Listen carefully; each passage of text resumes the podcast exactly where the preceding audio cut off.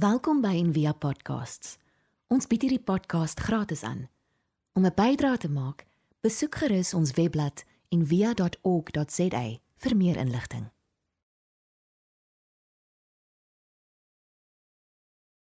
Ons praat hierdie reeks oor die evangelies en wat die evangelies ons leer van Jesus. En dit is hierdie tipe hierdie tipe preke en goeters as jy my dalk so rukkie lank ken, dis is my so absolute kos, so ek sê baie passievol oor. En uh, dis my regtig lekker om oor te praat en om 'n bietjie die die teks en die goeters uitmekaar uit te trek en te wys. En so die uh, Johannes Evangelie, daar's 'n een van die ou ou kopieë daarvan, Illuminated Manuscript. So Johannes se simbool is 'n arend. Daar lê 'n bietjie meer soos 'n eend, maar dis eintlik 'n arend. Uh so die Johannes Evangelie is eintlik baie laat geslaat geskryf in terme van die evangelies. Markus is die vroegste en die Johannes Evangelie kom te vore hierso eers in 80 90 na Christus. So eintlik 'n hele end na die tyd, maar daar was verskriklik baie kopieë van dit. So dit was eintlik wat so ongelooflik is net vir my as 'n bietjie van 'n Bible geek is ehm um, dat daar so baie kopieë is van die briewe en die evangelies in die Nuwe Testament. Daar's duisende.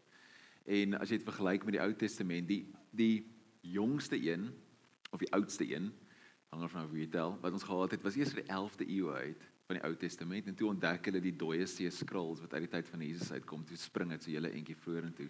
Maar die evangelies is nie so nie ons het duisende daarvan. Mense het dit so was so mal daaroor hulle het dit die hele tyd oor en oor en oor en oor en oor geskryf met die hand oor gekopie so ehm um, Johannes net so 'n bietjie inligting oor Johannes. Johannes kom self in die evangelie voor. Ons weet nie noodwendig dat dit hy is wat dit geskryf het nie, Johannes die disipel.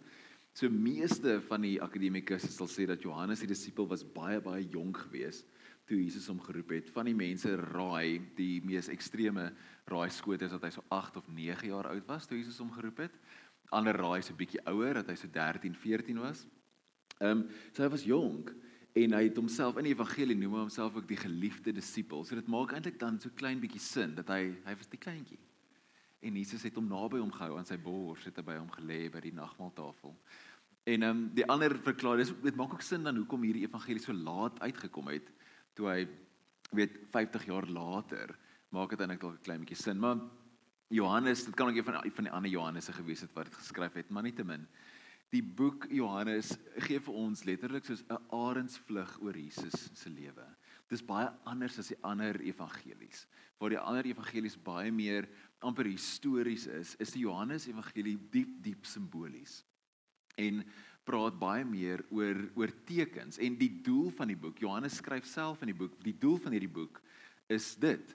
Dis maar hierdie wondertekens is beskrywe sodat jy kan glo dat Jesus die Christus is die seun van God en sodat deur te glo in sy naam die lewe kan hê. So dis die doel van die boek. Soos baie eenvoudig, jy weet hoekom Johannes die boek geskryf het, dis kom uitgeskryf het.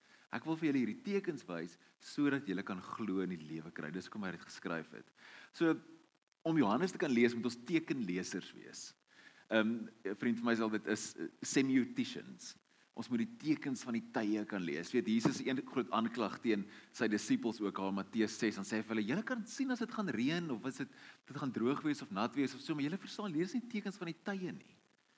En ek dink, maar ons is almal tekenlesers eintlik. Ek meen dis hoe jy hiernatoe gery het vanoggend. Jy het die tekens gelees. Stopteken, die robotteken, al die tekens en selfs die week dink ek op ons foon, ons raak al hoe meer tekenlesers, hè. Jy weet wat dit beteken. Party van hulle is bietjie meer anders as ander kinders lees hulle dalk bietjie beter as ons. Maar Johannes gebruik tekens om in sy evangelie te praat. So dis 'n bietjie is die struktuur van Johannes. Dis fascinerend vir my altyd om te kyk na die struktuur van die van die boeke. So daar's 'n inleiding, daar's al groot blok stories, dan's daar 'n baie definitiewe middel en nog 'n um, 'n groot blok verhale en teaching van Jesus en dan die slot aan die einde. Nou die deel 1 wat ons nou net gelees het, daai beautiful deel wat sê dat die woord het by God gewoon en was deel van God en het aarde toe gekom en mens geword. Daai dis so poëtiese, jy kan amper daai emoji gebruik met die kop wat so ontplof. Daai mind-blowing deel. En ons sal later bietjie weer by daai kom, maar in daai hoofstuk, net na daai eerste stuk, is daar sewe titels. So Johannes hou van sewes. Hy gebruik sewes die heeltyd in sy in sy in sy evangelie. So daar's sewe titels wat gebeur wat hy wys in die eerste hoofstuk. Lam van God, seun van God, Rabbi, Messias, koning van Israel, Jesus van Nasaret en dan die bekende seun van die mens. En almal van hierdie wys vir ons iets van wie Jesus is. En so hierdie titels het 'n groot ding om te sê. Dis amper Johannes begin sy evangelie daarmee. Hy sê ek sê vir jou hier's wie Jesus is, lam van God, seun van Nasaret, Messias. Ehm um, Jesus van Nasaret, seun van die mens, die Messias, lam van God. En nou gaan ek vir jou wys hoekom. So in die volgende gedeelte is dan wys hy die tekens wat wys dat hierdie die waarheid is. So hy praat ook in sy in sy evangelie van nie van wonderwerke nie, maar signs van tekens. So in die eerste blok stories, eerste deel, doen Jesus, hy vat vier spesifieke goeters aan. En dis vier Joodse institusies, Joodse tradisies, Joodse institusies wat hy aanvat en hy wys iets baie belangriker uit. Hy sê dat hierdie institusie wys eintlik na my. Die realiteit van dit is nie dit wat jy sien nie, dis eintlik ek. Ek is hierdie ding. En die eerste een is my gunsteling wonderwerk waar Jesus die water in wyn verander. En hy maak nie soos 'n bietjie wyn nie, hy maak baie wyn. Al elkeen van daai vate het so 120 liter gevat, so hy maak so 700 800 liter wyn, soos 'n massa massa wyn. En Jesus wys hier deur dat die die Johannes sê hierdie was sy eerste teken om te wys wie hy is. En die Messias se koninkryk is 'n fees. Altyd in die Ou Testament dan wys dit dat die Messias se koninkryk is 'n feesmaaltyd. Die bekende Jesaja gedeelte, Jesaja 25 sê dis soos 'n groot maaltyd met geurende kos en dit sê eintlik goeie vleis, hè? Jesus was probeer Afrikaans, goeie vleis en dan baie wyn, geurende wyn sê dit eintlik. So dis altyd 'n partytjie. En wat interessant is met die Johannes Evangelie, is Johannes wys altyd dat Jesus maak altyd te veel. Dwars deur die hele Johannes Evangelie, hy is soos die swakste event planner ever. Hy hy maak baie te veel wyn, veel te veel brood, veel te veel vis. Daar's altyd te veel as jy naby Jesus is. Wat nogal belangrik is. So die eerste een, Jesus sê hierdie troue, hierdie fees, dis ek. Dis wie ek is. Dis wat ek doen. Die tweede deel Die tweede ding wat Jesus dan doen net daarna is hy gaan vlegge sweep. Ek maal oor daai stukkie teks. Dit is net in Johannes waar dit staan. Dit sê hy gaan na die tempel toe en hy sit daar en hy vat toutjies en hy vlegge sweep, nê? Nee? Nou, hoe lank vat dit om 'n sweep te vleg? Wat jy rukkie? En nou jy kan soos proper kwaad word terwyl jy 'n sweep vleg. As jy nou jy dis nou jy sit nou en beplan hoe gaan jy nou vir almal neek.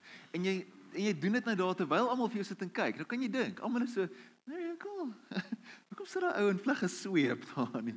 En jy gaan hom aan met jou duwe verkoop en jou geld wisselary en goed en iewes skielik staan Jesus op en hy sê is nou klaar. En hy jaag vir hulle uit. En so wat hy doen, hy hy hy hy vat sy autoriteit en hy gebruik sy autoriteit om die tempel heeltemal omver te gooi. Dit stop letterlik die offers. So dis hy net die priester kan dit doen of die koning kan dit doen. So hy claim eintlik daai. En hy sê dan in in daai deel Johannes 2 dan sê hy breek hierdie tempel af en in 3 dae sal ek hom oprig. En toe raak hier leiers mal kwaad. Hy sê, "Hoe kan jy dit sê? Dit het 40 jaar gevat om hierdie ding te bou." En en dan sê Johannes, "Maar hy het gepraat van sy liggaam." So Jesus doen weer dieselfde ding. Hy sê, "Hierdie wat julle sien, dit gaan nie oor hierdie nie. Dit gaan eintlik oor my." Hy sê hy doen hierdie simboliese aksie en maak 'n uitspraak oor sy identiteit. Nie net en dis wat interessant is van Johannes, nie net oor wie hy is nie, maar wat hy is. Nou, hy gaan dan verder. Die derde ding wat hy aanvat is 'n rabbi wat 'n Joodse institusie is. So Nikodemus, die rabbi kom na hom toe in die aand en die nag. Baie mense praat van die nagdisipel en Nikodemus kom vra hom vra. En Jesus maak hierdie standpunt. Hy sê vir hom, jy kort nie nog, jy kort nie nog lering nie. Ons kort nie nog rabbies nie. Jy kort jy moet nuut gebore word. Jy kort 'n nuwe hart. En hy sê Jesus sê dan die bekende hy sê as niemand opnuut gebore word nie, kan hy die koninkryk van God nie sien nie. So hy vat ook hy draai hierdie hele ding van teaching wat 'n groot deel was van Joodse Joodse geloof en hy sê dit hierdie is great en is goed, maar dis meer of meer. Jy moet weer gebore word, jy moet 'n nuwe hart kry. Die laaste deel van hierdie stukkie teks gaan hy na 'n heilige put toe. So die put, die sacred well, die put is die put wat Jakob gegrawe het. So Jakob se ander naam wat God hom gegee het is Israel. So 'n baie belangrike plek in die Joodse verbeelding en die Joodse storie. En by en hy het hierdie gesprek, dis die langste gesprek wat ons het van Jesus in al die evangelies en wat my so great is daarvan, hy praat met 'n heidense vrou, nê. Nee. So een, die rabbies praat met vrouens nie. Twee, hy praat nog minder met 'n heiden. Hier praat hy met 'n heidense vrou in die middel van die dag alleen by 'n put. So hy breek net al die reëls en hy het met haar gesprek oor water. En sy verstaan hom nie lekker nie en hy sê nee, jy verstaan nie, ek gaan nie vir jou nuwe water gee nie. Ek gaan vir jou myself gee.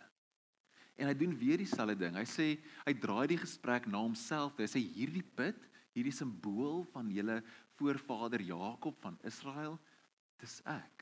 Ek is eintlik die regte water. Kom na my toe en dan sal die water sê uit jou binneste uitvloei. So dis die eerste deel van Johannes is hierdie vier Joodse institusies wat Jesus aanvat. Die die volgende deel die volgende in daai in daai selfde deel vat hy nog vier Joodse feesdae aan ook. Hy eerste vat hy die Sabbat aan. Hy sê hy maak 'n 'n verlamde man gesond. Onthou jy die storie van by die bad van Bethesda? Dis daar in Johannes 5. Waar die man lê by die bad en elke keer dan sê hulle die engele kom roer die water en beweeg en hy kan nie vinnig genoeg in die water kom nie. En dit sê hy lê al lank daar vir jare en jare en jare. En dit is my so beautiful. Jesus kom aan en hy maak hom gesond en hy sê vir die man dan tel jou mat op en loop. En die rabbies en die fariseërs wat rond staan, is nie kwaad omdat hy hom gesond gemaak het nie, hy is kwaad omdat hy sy mat dra. Want jy mag nie 'n mat dra op die Sabbat nie. Jy mag iets dra nie, jy mag nie werk nie. En Jesus sê maar ek werk want my Vader werk. En net daar maak hulle raak hulle nog kwaad en sê hoe kan jy jouself gelykstel met God? Hoe kan jy sê jy is God? En net so op 'n op 'n kantnoot, dat die mooiste deel Ehm um, wanneer ons in Israel is, ons stop ons altyd by hierdie plek ook by die bad van Bethesda en dan ehm um, want Jesus vra vir die ou wat daar lê, hy sê vir hom, "Maar die ou glo nie." Want sê ons altyd jy moet net genoeg glo, dan gaan God jou gesond maak. Hy sê, "Maar hierdie ou glo nie eers nie." Jesus vra van, "Wil jy gesond word?" Hy sê, "Wel, ek kan nie regtig nie, ek kan nie by die bad uitkom nie, niemand wil my help nie." Dis sy antwoord. En dan maak Jesus hom gesond in elk geval. Daar's iets baie mooi daarin. So weer eens by hierdie deel, Jesus maak homself, hy stel homself aan as die Sabbat. Hy stel homself aan as Heer oor die Sabbat. Die tweede Joodse feesdag wat hy wat hy gebruik is die Pasga. Nou die Pasga is die die die viering van die storie uit Eksodus uit waar die Jode losgekom het uit Egipte uit losgekom het uit slawerny uit waar hulle maaltyd gehad het met brood en met en met wyn en met lam. En bis by in, hierdie deel tydens hierdie fees waar Jesus die brood vermeerder en hy maak 12 mandjies te veel, vol te veel. En hy vertel vir almal, hy sê ek is die brood wat lewe gee. Wie na my toe kom sal nooit weer honger kry nie. En wie in my glo sal nooit weer dors kry nie. So weer eens vat hy hierdie fees en hy maak 'n stelling oor homself, oor wie hy is. Die die derde een wat hy gebruik wat hy aanvat is die is die loofhuttefees of die ehm um, wat sê aan die die Engels, nou kan ek nie onthou nie. Die loofhuttefees in Afrikaans, die fees van tabernakels, fees of tabernacles. Dis die die loofhuttefees is wanneer hulle tot vandag toe nog bou die Jode vir hulle hutte en dan spandeer jy 'n nag of 'n paar nagte binne in die hut. En dit herdenk die tyd toe hulle deur die woestyn getrek het. Toe God hulle gelei het met 'n vuurkolom en met 'n wolkkolom en hulle water gegee het in die woestyn. En op die die teks lees in Johannes, dis so interessant, dit sê op die laaste dag, die grootste dag van die fees. Nou die loofhutte fees werk so, die priester het gegaan en gaan haal hy water uit die poel van Siloam uit onder in die onder in die dorp, dan stap hulle op na die tempel toe, dan skree almal, "Red ons, red ons, red ons." En dan vat hy die water en dan juig almal en dit gaan harder en harder en harder en harder tot hy by die tempel by die altaar kom. Dan skree die mense verskriklik hard en hy gooi al die water op die altaar uit. En dis nou die hoogtepunt van die fees. En dan is dan dan lees die teks Johannes sê en Jesus het daar gestaan en uitgeroep van 'n ander vertaling sê met 'n harde stem het hy geskree. Wat ek net dink Dis al hierdie mense wat skree, "Red ons, red ons!" En die priester met die water aan is en Jesus gaan en hy skree bo hierdie bo hierdie geraas uit en hy sê, "As iemand dors het, laat hom na my toe kom en drink." Dis groot. Met die een wat in my glo, is die skrif sê, stromende lewende water sal uit sy binneste vloei. So hy vat hierdie fees weer eens en hy sê dit gaan nie oor dit nie. Dit gaan oor my en wat ek vir jou kan doen en wat ek vir jou bring. Die laaste fees wat hy aanvat is Hanukkah. En Hanukkah is 'n fees. Dit is nie in die Bybel nie, maar dit word nog steeds gedenk. Dit is nie in die Ou Testament nie, maar dit word herdenk in die Joodse tradisie tot vandag toe nog. Dis wanneer hulle die menorah aansteek. En ehm um, daar was daar was 'n uit 'n wonderwerk gebeur dat die olie het nie opgeraak vir die menorah nie. Daai hulle kon nog aanhou en aanhou aan die vlammetjie brand. En dit was Judas die Makkabees wat daai tyd die afgode uit die tempel uit verwyder het en dit weer aan God gewy, dit weer heilig gemaak het. En in in Johannes is tydens hierdie fees dan staan Johan dan staan Jesus in die tempel dan sê hy ek en die Vader is een. Dan sê hy hy sê ook hoe sê julle dan vir my wat deur die Vader afgesonder heilig is en na die wêreld toe gestuur is jy praat godslasterik. So hy sê ek is heilig. Nie hierdie nie, ek is. Hoe kan julle vir my sê wat heilig is? En hy doen dit ook tydens hierdie fees. En is hier waar hulle begin om 'n plan te beraam om dood te maak. Hulle nou regtig begin om keelvol te raak vir vir Johannes. So ons is nou omtrent hier in die eerste deel. Dan is daar die middelste gedeelte. En in baie antieke tekste en in die Bybel ook, die middel is baie keer op die hoofstandpunt wat gemaak word. Dis nie soos ons stories waar die einde is die belangrikste, die middelding vertel eintlik waaroor die hele storie gaan. So en reg in die middel van Johannes het by eendag lank terug Dallas Willard, die bekende so kontemplatiewe geestelike skrywer. Ja, 'n vriend van my was saam met hom by 'n konferensie. Toe vra hy vir Dallas, terwyl hy nou fancy klink, toe vra hy vir Dallas Willard, "Wat lees jy op die oomblik?" En dit is mos nou dis wat teoloog mekaar vra of dominees mekaar vra as jy nie weet wat om te sê nie. En dan vra jy, "Wat lees jy op die oomblik?"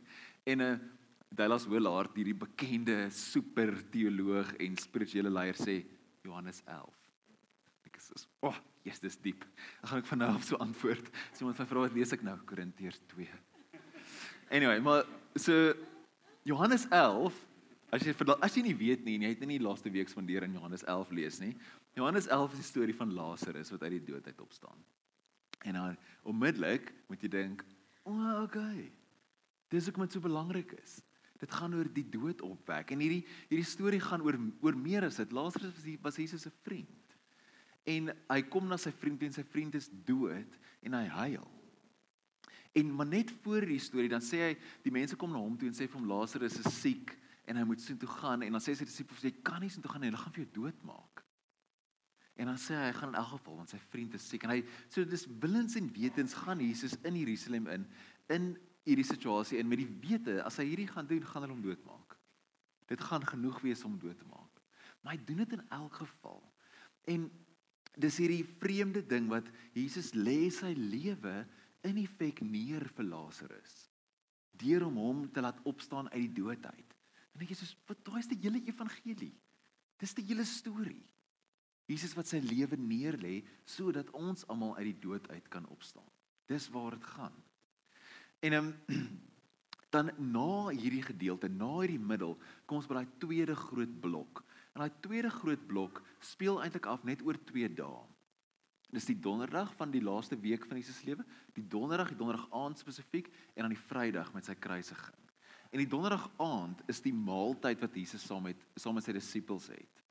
En dis dis tydens hierdie maaltyd, dis 'n lang gesprek, dis vier hoofstukke in Johannes. Is hierdie maaltyd en is in hierdie tyd waar die bekende die bekende toneel is waar Jesus afbuig en die voete was van sy disippels. En nou voete was is dis baie van ons weet dis 'n dis 'n lae werk. Jy kon nie eers jou jy kon nie eers jou slaaf forceer om dit te doen nie. Jy kon eintlik dit is nou 'n bietjie kras, maar jy kon jou slaaf forceer om jou boude af te vee nadat jy toilet toe gegaan het, maar jy mag hom nie forceer het om jou voete te was nie. Dis hoe laag dit was. En geen rabbi sou dit gedoen het nie. Geen rabbi sou dit gedoen het vir sy disippels nie. Maar Jesus doen dit. En is hier waar hy vir hulle opdrag gee waar hy sê ek gee vir julle 'n nuwe gebod. Julle moet mekaar lief hê. Soos ek julle liefhet, moet julle mekaar ook lief hê. En as julle mekaar liefhet, sal almal weet dat julle my disippels is. En hierdie daai situasie gee hy die die nuwe gebod. En as ook dan dis ook aan tydens tydens hierdie tyd, hierdie voete was en dan die die die laaste ding wat Jesus dan oor praat, is hy praat oor die Gees. En hy sê daar sal een kom na my. Ek moet weggaan sodat daar een kan kom na my. Een wat kom wat ek stuur sodat ek by julle kan wees en oral saam met julle kan wees. En dis hierdie dis die een wat die laaste deel uitmaak van die drie eenheid. God, die een teoloog beskryf dit so. Hy sê God is gelyk aan die verhouding tussen die pa en die seun, maar die gees is dit wat daai verhouding en alles in stand hou. En die verhouding, die gees is soos die die koneksie tussen alles. Tussen Jesus en sy Vader, tussen ons en Jesus en ons en die Vader is die ding wat tussen al die dinge is. En Jesus verduidelik dit vir hulle. En hy sê vir hulle Johannes 15 daai deel van die wingerd en die loot. Hy sê want ek is die ware wingerd. Bly by my en dan sal julle al hierdie goed ontvang en al die gees ontvang.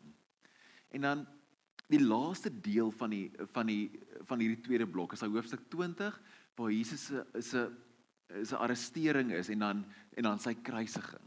En in hierdie hierdie scene kom ons eintlik iets baie interessant teer. Die teks as jy dit lees, die al die Romeinse soldate kom aan saam met Judas en hulle vra wie is Jesus? Wie van julle is Jesus? En in die in die Griek staan daar ek is.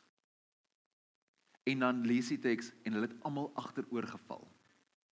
Sê soos wag 'n bietjie. Ek is. Waar het jy al van tevore hierdie woorde gehoor? Ek is. is kom in Eksodus voor. Eksodus 4 wanneer Moses vir God vra wat is jou naam? Dan sê God ek is. En hierdie ek is sê ding maak Jesus 'n standpunt oor wat hy is en wie hy is. En Johannes gebruik dit eintlik 7 keer. Johannes hou van 7's. So 7 keer in Johannes Evangelie gebruik hy dit. Jesus sê ek is, dan sê hy brood van die lewe. Ek is die lig van die wêreld. Ek is die hek vir die skape. Ek is die goeie herder. Ek is die opstanding. Ek is die weg, die waarheid en die lewe. Ek is die ware wingerdstok. So dit maak 'n baie groot standpunt oor wie Jesus is. Dat Johannes sê hy's baie meer as 'n wisdom teacher. Hy's baie meer as 'n rabbi. Hy's baie meer as iemand wat bose geeste uitdryf. Hy's baie meer as iemand wat mense kan genees. Hy is God self wat in vlees by ons kom woon het. En dan die na dit word Jesus gekruisig. Hy word verhoor en gekruisig. En hy praat ook net in hierdie deel voort oor die onderste bo koninkryk, oor hoe goeders andersom werk. En dan oorwin hy die dood deur laat hy die deur die dood toe te laat om hom te oorwin. In hierdie onderste bo koninkryk van die hemel. En na dit sien ons die opstanding. En die opstanding begin soos die begin van Johannes het begin met in die begin In die begin was die woord by God. Die opstanding daai hoofstuk 21 begin met dit was die eerste dag van die week. Sies, wag 'n bietjie. Ek ken hierdie teks. Dit laat my weer dink aan Genesis. In die begin. In die begin.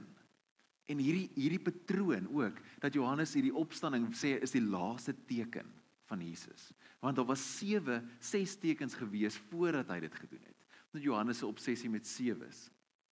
So die sewe tekens voor die tyd, die water en wyn, maak 'n kind gesond. Ooh, daar gaan hy vinniger verby as ek wou. Genees 'n verlamde man, vermeerder die brood, genees 'n blinde en wek Lazarus op uit die dood en dan die sewende een is die opstanding. En na die opstanding kry ons hierdie hierdie scene waar Jesus saam met sy dis weer op die strand aankom waar sy disippels weer teruggegaan het na hulle nette toe en gaan visvang. Dit 'n hoog simboliese scene en hulle het die hele nag deur gevang en hulle kry nie gevang nie. Hulle kry nie vis nie. En hy sê vir hulle van die kant af, sê hy vir hulle, gooi julle nette aan die ander kant uit. Luister vir my, gooi dit aan die ander kant uit. En hulle gooi dit aan die ander kant uit en daar's 'n vang so swaar, dit skeur amper hulle nette. En hierdie laaste amper vreemde storie sê eenvoudig net luister vir Jesus. Dis is wanneer jy vir hom luister, gebeur die lewe. Wanneer jy by hom is, gebeur oorvloed.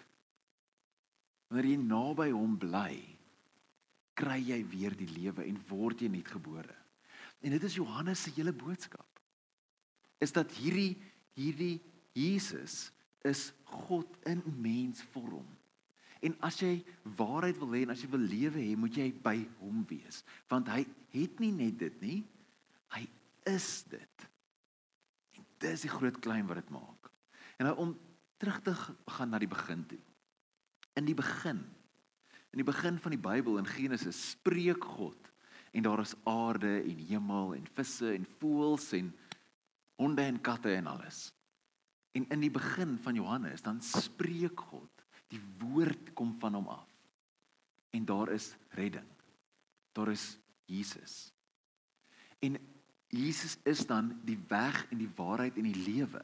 Ek glo so Richard Rohr het altyd sê as mense van vra, is Jesus die weg, die waarheid en die lewe? Dan sê hy ja, hy is en jy is nie.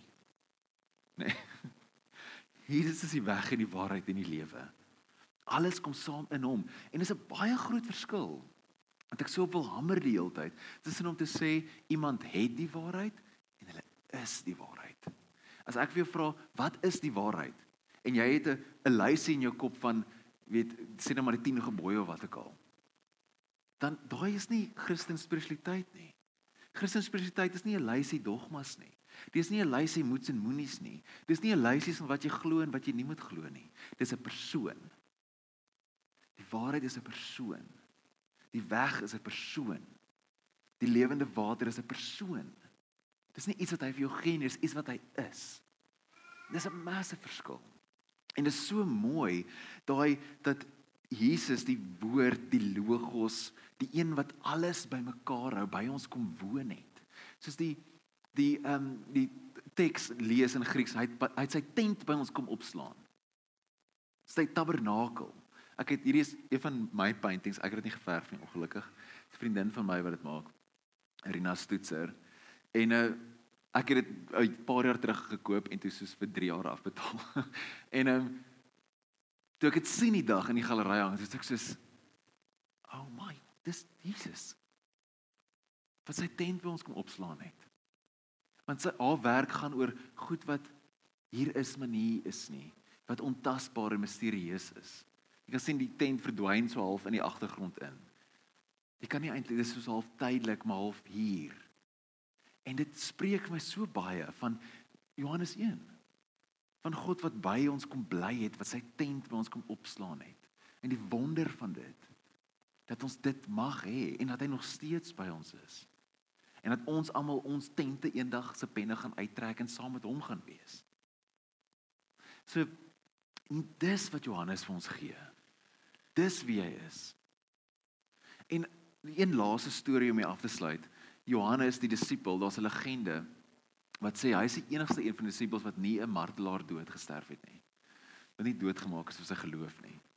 En daar's 'n storie wat sê dat op sy ou dag toe hy baie baie oud was, dan met sy gemeente, dan het hulle hom ingedra by die gemeente want hy was so oud hy kon nie meer loop nie, nê? Ek hoop eendag mense maak so indra. so in by die Protea Hotel. Dan ehm um, het hulle hom ingedra in sy in die in die gathering in in by die samekoms in en dan het hy net hy het net 'n paar woorde gesê, een sin. Al wat hy gesê het is wees lief vir mekaar. En dit was aan die hele diens.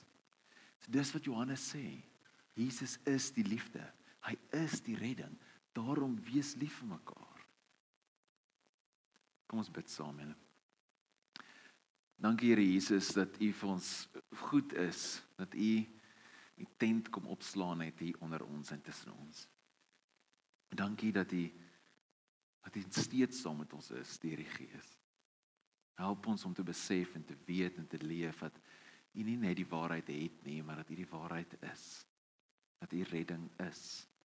Dat oorvloed en lewe by U is en mag ons deel word en al hoe meer dieper ingegrawe word in u wese. Ons loof u naam. Amen.